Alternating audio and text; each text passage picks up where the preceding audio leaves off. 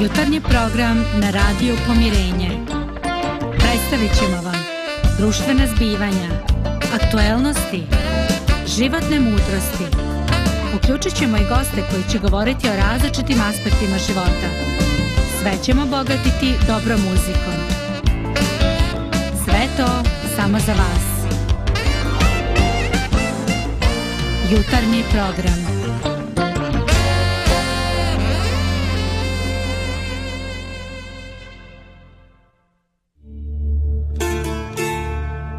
Dođe vrijeme da se čovjek osvrne i poželi da iznova vrijednuje svoj život. Pratite emisiju sa komšijom zdravkom. Pozdrav dragi slušalci i gledalci Radio Pomirenja. Eto, danas smo ponovo zajedno. E, ekipa je malo štucovana, skraćena, Božedar nije sa nama ali tu je kolegica Dragana i naš tonac Lidija, reći opet glažen među ženama, no ne smeta, ne bunim se. Eto, e, današnja tema, e, možda na prvi pogled nije nešto ovako što nam se čini e, pozitivno, jer danas govorimo o ograničenjima. Ali, e, su nešto što obično ne primamo sa odobravanjem ali naučimo živjeti sa njima i ponekad ostvarimo i neočekivani napredak u životu zbog njih. No, e, prva slika koja nam se javlja je naše lično iskustvo i ono što vidimo kod drugih ljudi ili još bolje kod djece. Dakle, svima nama je poznata ona tinejdžerska izjava ja hoću da živim bez ograničenja, da dišem punim plućima, da me ništa ne ograničava u životu. Lijepo to izgleda. Ali negde na jugu će tamo reći, e, batko, ne biva. A ovde u Bosni u nekim kvarajima će reći, ne mere to buraz. Dakle, jest to lijepo, ali u životu ne biva tako. I sada, E, odmah na početku počnemo sa pitanjem. E, reakcija, pobuda, osjećaj neugode zbog ograničenja. Šta je prvo čega se sjećamo u našem životu? Ili životu nama bližnjih ljudi, ali da nam je to ako bilo upečatljivo da nam je ostalo u sjećanju. Da li su to naša djeca, naša brata, stariji ili mlađi brat i sestra, nije bitno. Ali uglavnom neka pobuna i neko neslaganje zbog ograničenja koja se sjećamo i koje smo zapamtili. Uh, jesam li vas iznenadio? Imate li nešto u memoriji? Da, pa um, ograničenja. Ja se sećam iz svog detinstva da je uh, takvih situacija baš bilo. Naravno, to prođu svi tinejdžeri na svoj neki način. Um, ja iskreno, eto sad, znači, malo, malo, malo iskreno o sebi, nisam bila neko ko je voleo previše ono da krši pravila i šta je znam. Jesam ja odskakala u nekim stvarima, ali to je bilo toliko limitirano u mom nekom slučaju, ovaj, u odnosu na moju braću, pozdravljam im sad ako gledaju, znači oni su baš voleli onako da, da ispitaju to, te granice poprilično, čak i da ih probiju, ali ja nekako nisam tu fazu toliko prošla, ali se sećam nekih stvari iz, iz svog detinstva a, koje sam a, proživela. S druge strane, ja sam sad majka tinejdžera i dobro ovaj, znam šta znači a, kada imaš a, nekoga ko pokušava da probije neke granice um, i nekako me to nekad izbunjuje zato što ja, opet kažem ja lično nisam to tako prošla, a onda gledam svoje dete i onda kažem ja pa kako, kako, kako je moguće da ona to na taj način prolazi, a ja nikad to tako nisam ni doživjela ni proživjela. To ti misliš da nije izbila? Pitaj roditelja. Pitaj ti moje roditelje. tako kažu dobro, ljudi. Dobro, ako budem u prilici, provjerit ću ja to da li ste bila baš tako cvječka. nisam bila cvječka, to nisam rekla. da, da, o, ti si uporedila se s braćom, evo, super, našla si reper, kao bila sam manje problematična od braće. Da. Ajde, dobro, to da ti vjerujem. Pa eto.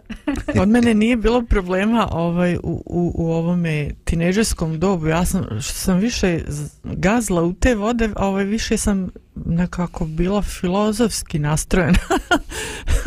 ne znam šta mi je bila, ali ovaj, dobro voljela sam da maštam o, o raznim ovaj, avanturama, znaš, ono, wow kako da, da obiđem svijet i šta znam u šatoru ili ne znam nija, rekao jednog dana ću to ali ovaj ovako nisam izazivala neke skandale ali se sjećam jednog koji za mene i nije bio skandal sad smijem tome ali mogu misliti kako je mojim roditeljima bilo bili smo na moru nisam još nišla ni u školu i ovaj i jako sam voljela vodu da, da mm. plivam, da, da ronim, šta god sam znala u to doba. I nisu me mogli da izvade iz vode nikako, znači, ajde, izlazi, pa izlazi, pa molim te, pa onda malo onako ozbiljnije, pa sve e, tako... Energičnije, energičnije. Pa sve tako, a plaže puna ljudi, mislim, ono, ja, ja, kad sam ja počela, e, neću, e, neću, i onda počelo to glasnije i glasnije, onda sam ja počela da plačem od, od huje. i da se derem onako, mama ono okreće se, čuti Dragana, čuti, ljudi izlazi, izlazi, slju, e pa tako, sluša, viš koliko ljudi sluša, kaže, oh, ona, e pa stoji jedan čovjek, on, e, Dragan, ovo je policajac, ovo je njegova plaža i moraš sad da izla, izađeš i ćeš u zatvor. I on se onako uzbiljio, znaš, e neće, ovo je moja plaža, ja se derim, onako, baš mene briga koliko policajaca ima stvarni laži. I to mi sad baš ono izaziva... izaziva ti sjećane smijeh ali da, da potvrdim ovu moju tvrdno, tvrdnju od malo pre. Znači, sad mi toliko stvari dok Dragana govori navire kad, kad um, tih probijanja granica koja, koje su se dešavale u mom detinstvu, ali kada su u pitanju moja braća u odnosu na ono što sam ja radila, da sad imam nekoliko tih već situacija koje bih ispričala, ali to možda nekom drugom prilikom. Moraš da napišeš knjigu o tome. Ljudi, da, očekujte. Ali, ali nevjerovatno kako ovaj, posle nekog vremena to te prođe, jednostavno, to faza prođe, ali šta roditelji prožive, to je sad druga priča. šta mi bi, šta mi bi. Dobro. Očito je, očito je da život u porodici, stvarno u obitelji, kako će drugi reći, e, jednostavno dolazi neke, donosi nam neke događaje, neka sjećanja koja su lijepa, koje su dio naše nostalgije, pa čak iako u trenutku kad su se dešavala možda nisu bila baš onako ovaj idilična. Možda nam je to ovaj izgledalo ovaj kao nešto. Ali eto, Dragana, kad slušam tebe, ovaj, moja supruga i ja nismo više tako mladi, a ovaj, ali nju i dalje ne možeš isterati iz vode. Ovo ljeto smo bili na Balkani i ovaj, ja hladno gore voda čoveč. I ja malo i izađem. Ona očito ne izlazi dok ne poplavi. Ono, ovaj, tako da, ovaj, to što je bio tvoj problem u mladosti neke na, ne napušta ni, ni, u, ni u poznijim godinama. Ima nas još tako. Ima, ima još, znači još to drži. Dobro, nemoj, voli vodu, voli vodu. Da, nemoj da se čuje, nemoj da se to čuje daleko. Dobro, ovaj, uglavnom, eh, život svakako donosi ograničenja. A ta ograničenja, kao što spomenula Dragana, E, stvaraju neku maštu, stvaraju neku iluziju. E, jednostavno e, čini da čovjek mašta o tom nekome svijetu koji nije tako ograničen. I čini mi se što je više tih ograničenja, limita, to je veća potreba mladoga bića, djeteta, da ovaj da mašta, da priželjkuje tako neki svijet kojima su svi čike i tete zdravi, u kojima su svi dobri, u kojima nema straha, u kojem nema neimaštine i, i tako. Iako je taj svijet iracionalan, čini se da on u dobroj mjeri određuje neke vrijednosti koje ćemo kasnije imati kao odrasli ljudi.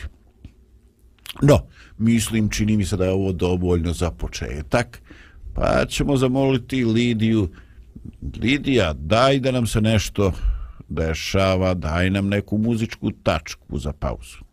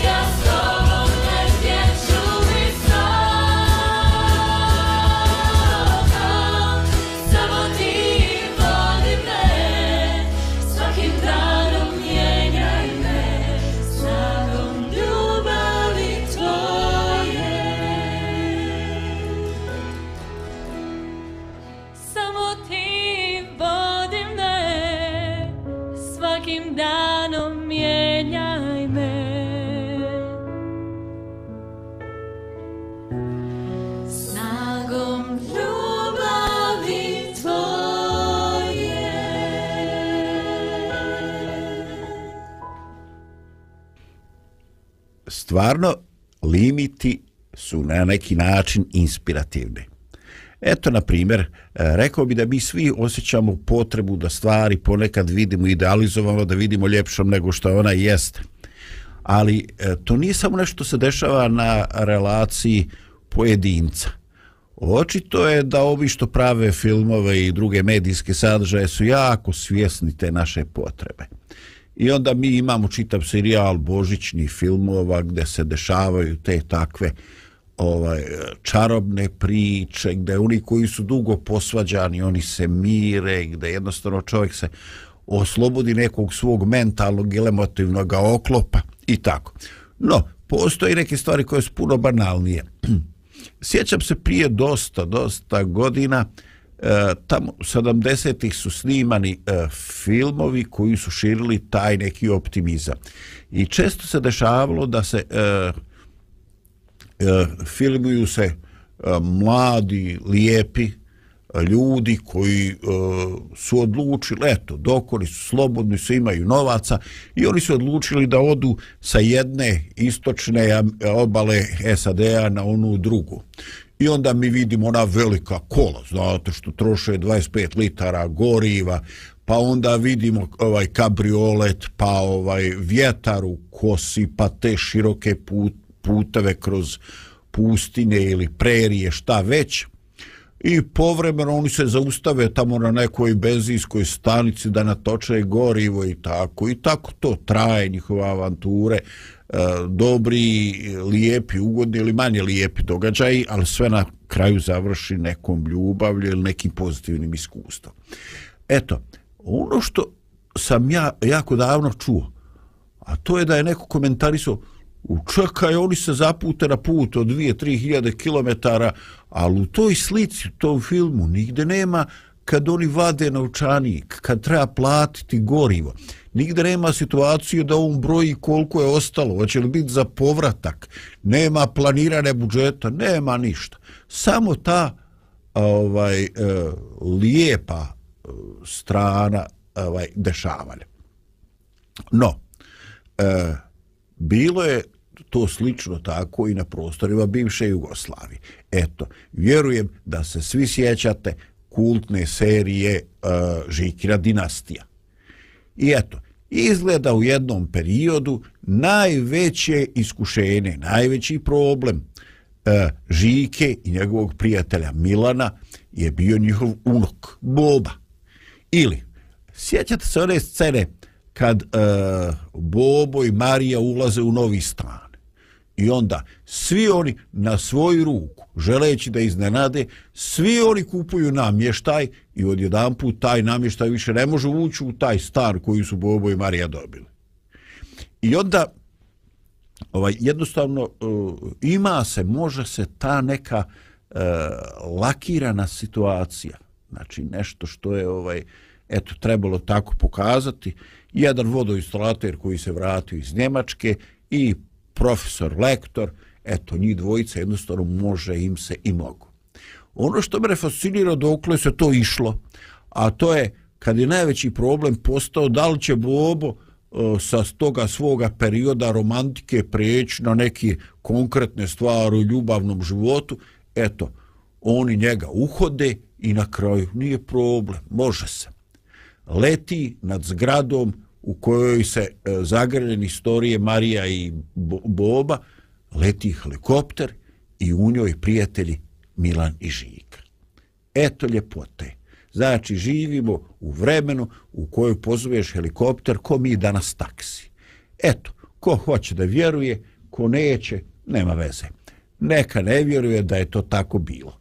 Ali je očito da su ljudi željeli i imali potrebu za iluziju da sklanjaju ta neka ograničenja. E, dok pričamo o ovoj e, slici koju smo mnogi voljeli, dozvoljavam, neki možda nisu. E, imate li, kolege, imate li vi e, neke situacije u kojoj su ljudi imali potrebu da svoje limite, svoje ograničenje u svom životu nekako zaborave. Da e, vide situaciju ljepšom nego što ona jeste. E, I šta je to? Da li je to bježanje od stvarnosti ili je to samo, eto, traženje malo upuštanja ili utjehe? Kako vi gledate na tu pojavu? Dao sam vam dva ovako baš žestoka primjera iz filmske industrije. Da, a ta filmska industrija je um, zanimljiva u smislu da um, ono što sam ja bar primijetila jeste da vi na filmu vidite samo ono što oni žele vama da pokažu. Znači nekada film želi da ti pokaže da ta osoba, već glavni lik ili sporedni, nije bitno, da nema para i onda ćeš ti to videti u toj situaciji. Ali nećeš videti ništa drugo. Znači život je i suviše kompleksan da bismo ga tako pojednostavili na samo neke faze života kroz koje nas možda taj film vodi. E, ponekad, e, ponekad je to i dobro zato što oni žele samo jednu stvar da istaknu u tom filmu, u tom kontekstu i onda te vode nekako u tom, u tom pravcu dok ne dođu do kraja. Um, tako da Eh, mi nemamo kroz recimo eto tu filmsku industriju, ako već nju spominjemo, nemamo neku potpunu čitavu sliku a, nečijeg života. A, sad ako se prebacimo na naše živote, isto tako, znači ni mi sami nemamo čitavu sliku života a, ljudi sa kojima živimo i sarađujemo, dobro sa svojim pa ni sa svojim najbližima, znači čak i sa svojim decom i sa supružnicima, ne znamo mi sve borbe koje se odvijaju i šta se sve dešava u toj osobi, iako možda najviše mi znamo, naravno, kao porodica. Tako da, mislim da svako od nas vodi te neke lične borbe a, na svom planu, a mi pokažemo ljudima ono što želimo u tom trenutku. Možda nešto slično kao filmska industrija. E sad, to je to je mač sa dve oštrice i uh, s jedne strane je dobro jer ne možemo svima sve otkriti, Um, a s druge strane tu su ta neka ograničenja koja mi sami stavimo i kažemo ok, dotle možeš da ideš, dotle ću ti se otkriti sve šta se dešava u ovom životu, dalje ne ideš, znači to je to. Dok nekome drugome će možda, možda otkriti nešto više. Tako da to je dobro jer štitimo sebe, ali s druge strane ako se suviše povučemo, pa ne govorimo o sebi, onda to može dovesti opet do nekih drugih a, bolesti, situacija problematičnih. Tako da ne znam, nisam baš sigurna a, gde možda postaviti tu neku granicu. Da. Pa evo imaš ovu opciju, izvini Dragan, evo imaš ovu opciju, jednostavno kažeš u povjerenju, evo ispričaš pred mikrofonom radio pomirenja i neko ostane među nama. E, tako. Da, ja, to je, Neće se dalje širiti. naravno. nećemo to dalje širiti. Da. Apsolutno, da. Ja, kad ti gaš da, da, da date neki primjer, ja, pa ima više primjera, ima onako grupnih primjera, što, pa, palo mi je prvo na pamet o rušenje Berlinskog zida, pa onda naše ove promjene, pa šta znam, znači te neke na državnom nivou promjene gdje, gdje ljudi žive, e, u kakvim iluzijama su odgajani pod navodnim znacima e, e, da, da žive zapravo. Šta je to sve bilo istina šta je šta nije bilo istina u nekom sistemu koji je pao? Ili, ili koji se još uvijek održava ali sad na globalnom nivou o, često je onaj, onaj slogan među prvima je ti možeš sve. Znači nemaš ograničenja. Ti možeš ili vi možete sve. Da li je grupa u pitanju ili pojedinac, ali nema nikakvih limita za vas, bilo koga, znači samo zamisli i vjeruj. I samo naprijed, znači kao da si neku super biće, ono, nad Što nije čovjek realno. ili nije realno, nema, nema, nema veze sa realnošću. I onda čovjek kad se, kad se povrijedi, e, onda, onda plačemo, onda nam je dosta i života i onda nećemo ništa, i onda su nam drugi krivi i onda, eto, onda nekako možda i dođemo do tog da smo sami krivi, pa nam je još gore i, i strašno, strašno. Ta, te iluzije, koliko znaju fino onako da, da te možda onako malo... e, Podgriju u, po, u lažnom ma, eto, malo maštu, eto, da. samo onako da, da bude umjetnički, da kažem. Ali toliko možda i više znaju da ti, da ti zagorčaju život. Ovo je meni fantastičan primjer koji si dala. Ovaj, dakle, jednostavno ta priča probudi uspavane energije u, u sebi, prave vibracije, ovo i ono.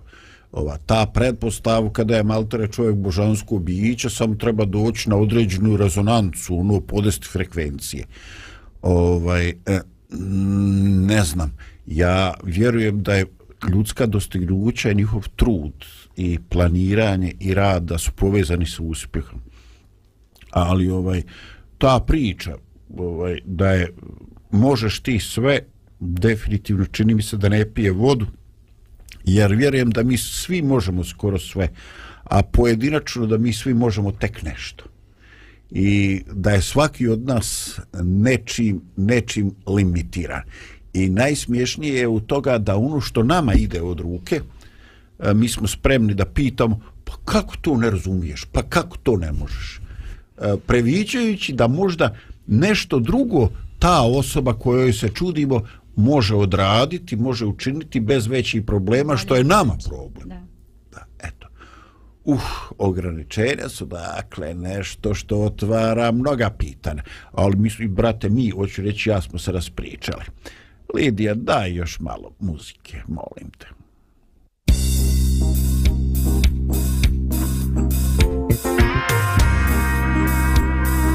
Radio Pomirenje.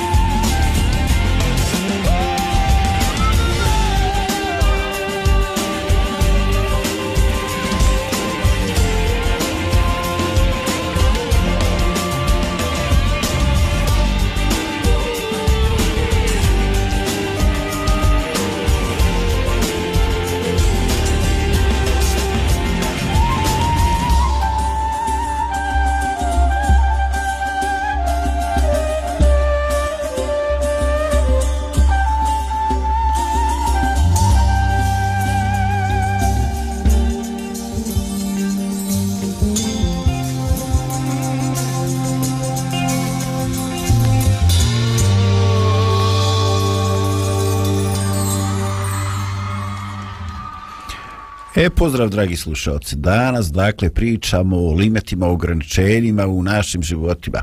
Ali dok se ne vratimo na vašu temu, eto, spomenimo neke dobre vijesti ili prisjetimo se tih dobrih vijesti iz prošlosti. Dakle, na današnji dan, 1998. godine, Vijeće Evrope je zabranilo kloniranje ljudi.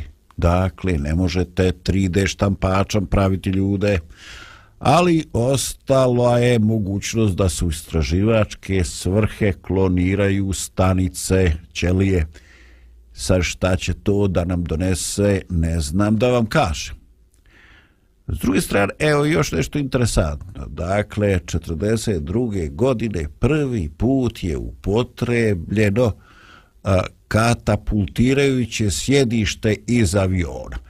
Dakle, dotad je bilo, zapali se avion i ako avion aterira na nos, aterirao je i pilot. Očito je da je ovo omogućilo da se nekako prizemni pomoću padobrana.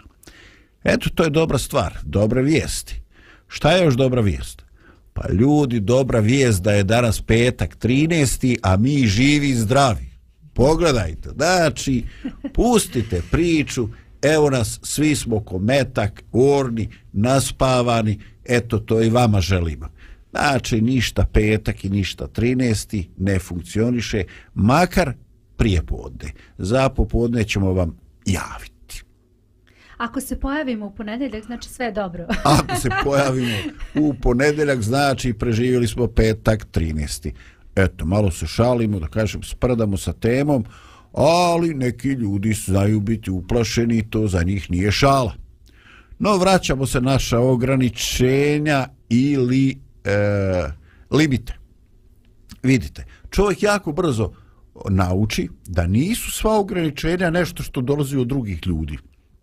Eto, neka ograničenja su jednostavno pi, ovaj, dolaze od sredine, od situacije, od vremena.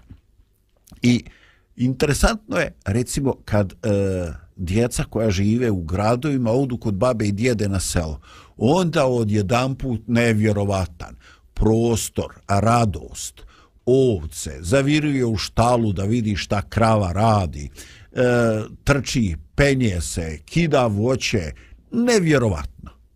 A onda nakon par godina ta neograničenja, ta sloboda i širina, ovaj, kad imaju malo više godina, onda dođe veče i kaže, a šta ćemo večeras, gdje vi ovdje na selu izlazite?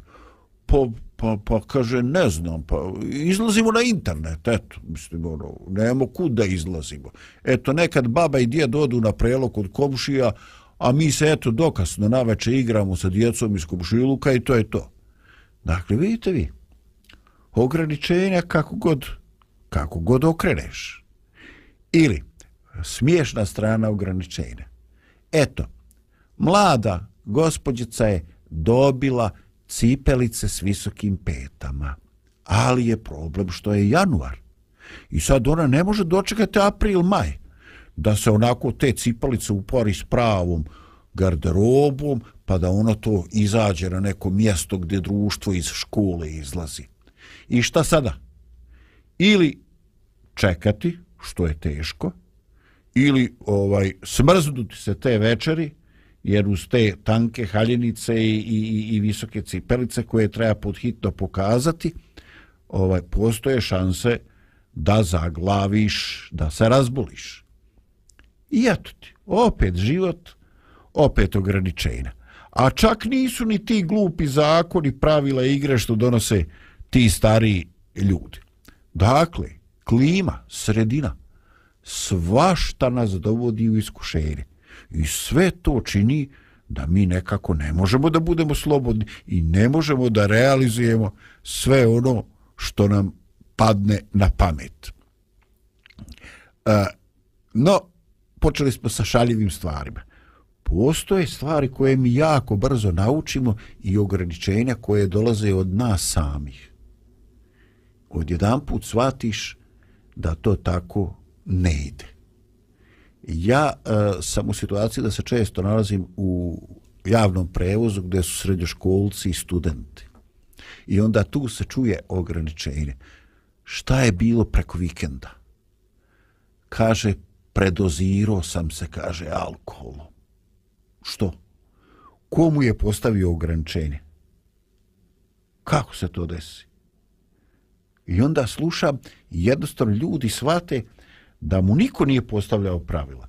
Da je bio potpuno slobodan i da je jako loše prošao upravo rad toga što je bio slobodan. Dakle, da li su ograničenja uvijek loša? Da li samo treba čekati ograničenja koja su izvana? Jeste li vi imali u životu, sad ne, ne očekujem baš da pričate kako ste se olešili i niste mogli ustati ujutru, ali ovaj imali neke stvari koje ste vi shvatili kao lično ograničenje s kojim morate eh, o koje morate da vodite, vodite računa. Jer inače posljedica će, posljedice će doći. Ja sam, ja sam recimo shvatio još početkom osnovne škole ovaj, da moram da sjedim u prvim klupama jer tad su se pokazali prvi znaci kratkovidnosti. Znate kako to biva, ono, a kako adolescencija napreduje, napreduje kratkovidnost. I ako sam ja volio da sjedim u zadnjoj klupi, ovako da imam kontrolu, da vidim sve što se dešava, čovječe, ne vidim ja šta je na tabli. Znači, odjedan put neka nova realnost i kažeš, ne vidim ja to dok se tabla ne osuši i onda ti nastavnica skonta situaciju i kaže, idi ti pogledaj oči, a do tada pređu prive dvije, tri klupe.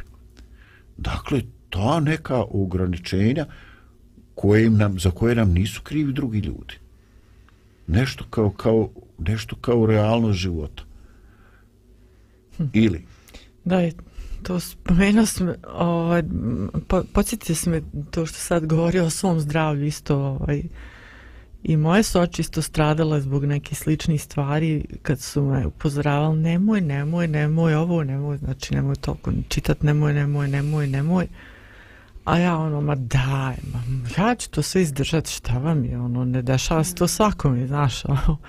Ili poslije kad leđa su u pitanju ili neke stvari, ma mogu ja tu rad, mogu ja ovo, mogu ja ono, pa onda imam hiljad nekih ideja šta trebamo stvariti i to teoretski onako i kad se stavi na papir, sve se fino uklopi ovo, ma mogu ja ovo sve uklopiti i onda ne ostvarim većinu tih stvari, pa se razočaram, pa onda obeshrabrim se, pa a da ne kažem ono kad se trudim da nešto uradim, onda onda, onda mi zdravlje strada, kosti boli poslije, onda ne znam.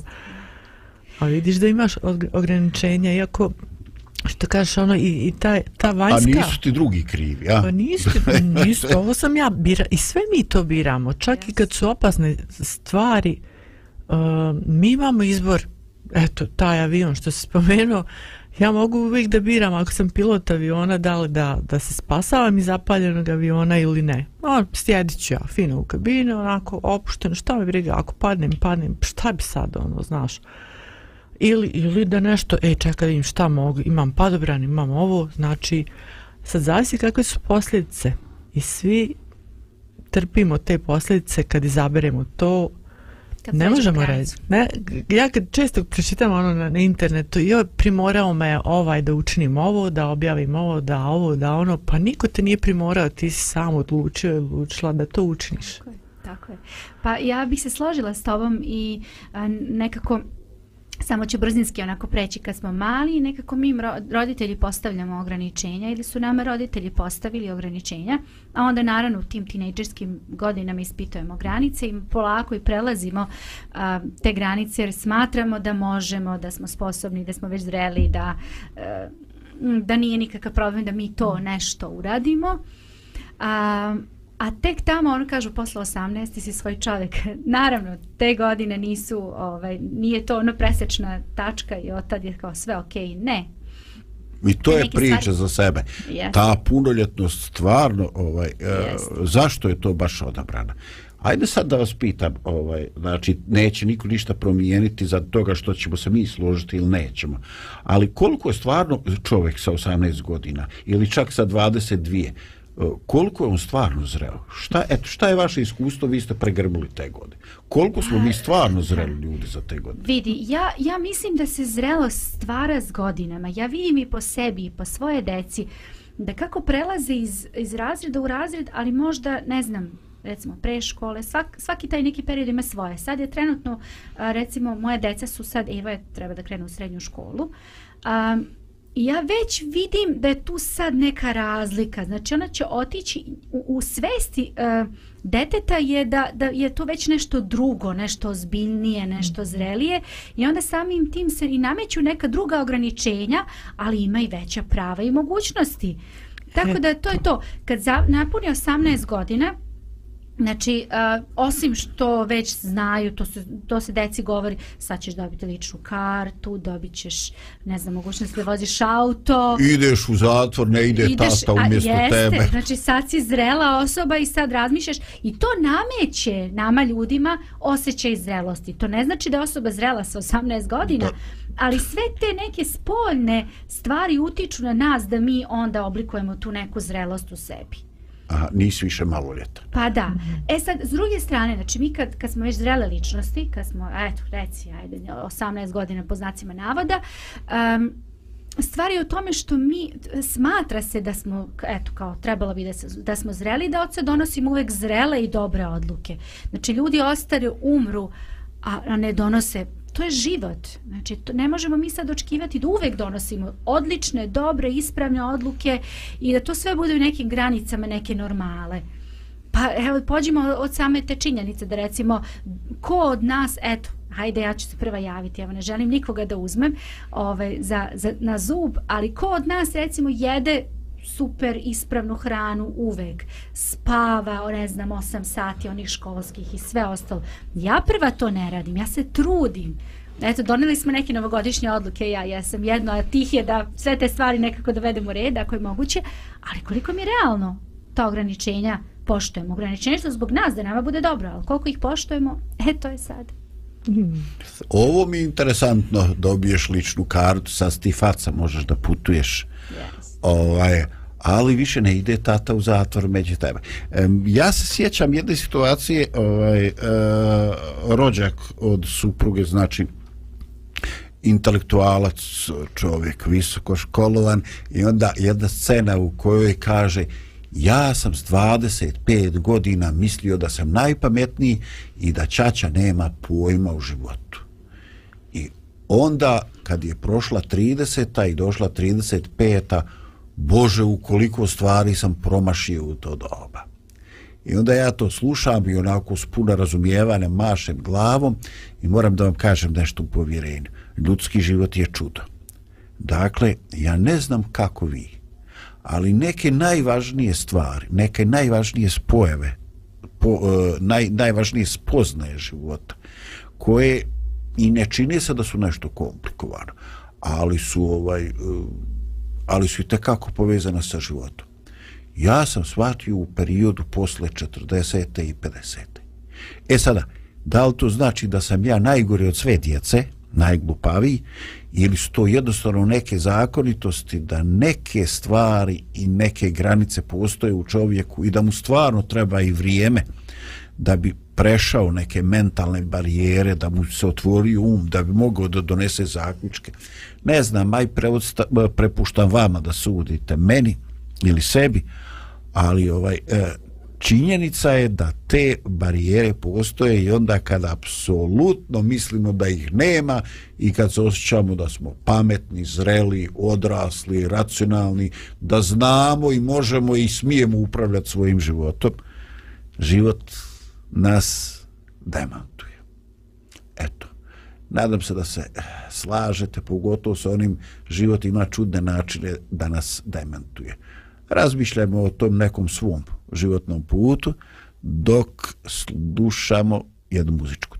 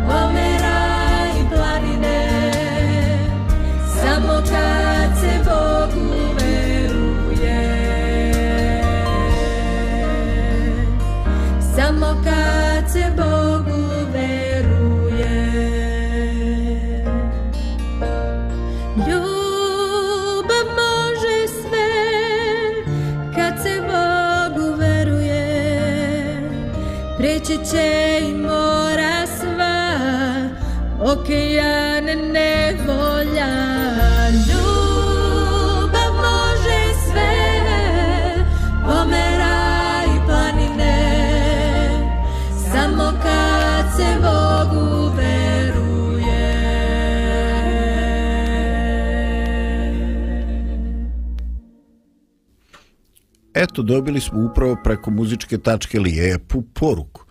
Ljubav može sve i moraš imati povjerenje u nekoga, a taj neko bi trebalo da bude pouzdan i najbolje da to bude Bog u vašem životu. Naravno, mi možemo imati i druge osobe u koje imamo određeno, djelimično ili kakvo god povjerenje. Ali očito je da postoji samo jedno biće u kojemu se može bezgranično vjerovati i čija ljubav je bez limita koja se neće potrošiti.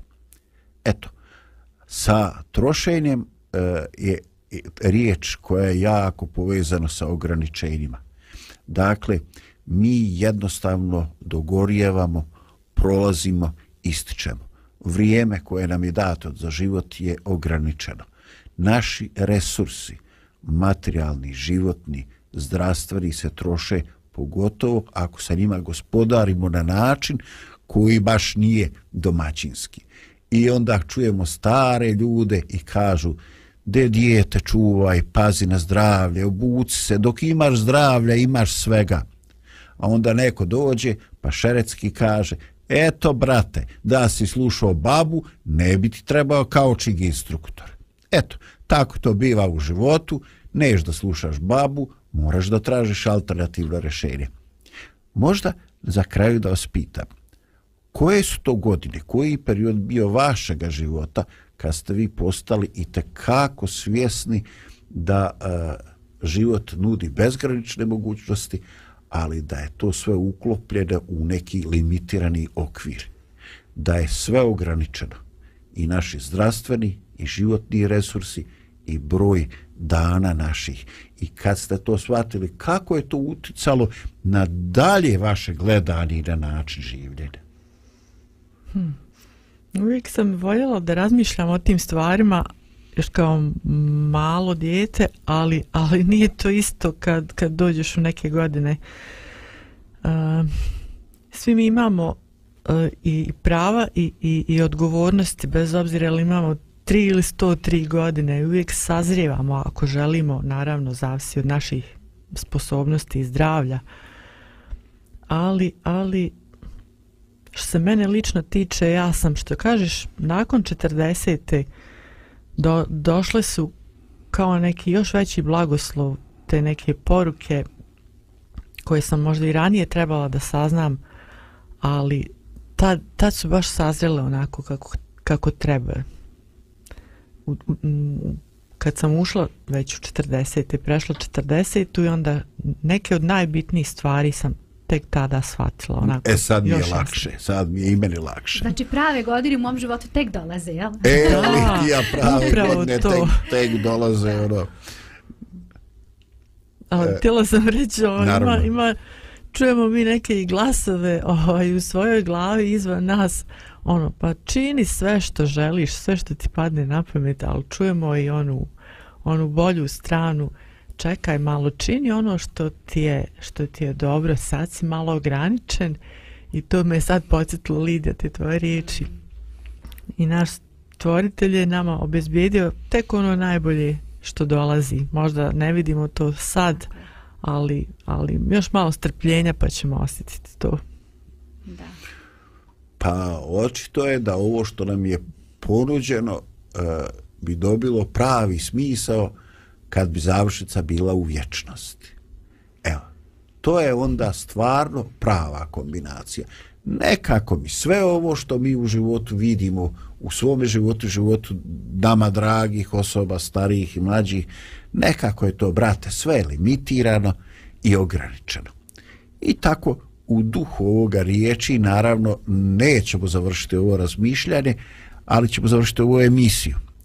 I mislim da je dobro da upravo završetak bude e, dva stiha mudrog drevnoga mudraca svetoga pisma Solomona koji knjizi propovjednikovoj kaže sljedeće. Vidio sam poslove koje je Bog dao sinovima ljudskim da se muče oko njih. Sve je učinio da je lijepo u svoje vrijeme i svijet metno im je u srce. Ali da ne može čovjek dokučiti dijela koja Bog tvori, ni početka, ni kraja. Eto, naša realnost su ograničenja i limiti. Pokušajmo da uz Božju pomoć iz tog života izvučemo najbolje moguće. Da trošimo i činimo ono što može biti blagosloveno. Napokon, kao što je Dragana rekla, da taj e, naš život ima neku završnicu koja svoje puno ispunjenje može imati u vječnosti. Tako nam Bog pomogao. Pozdrav!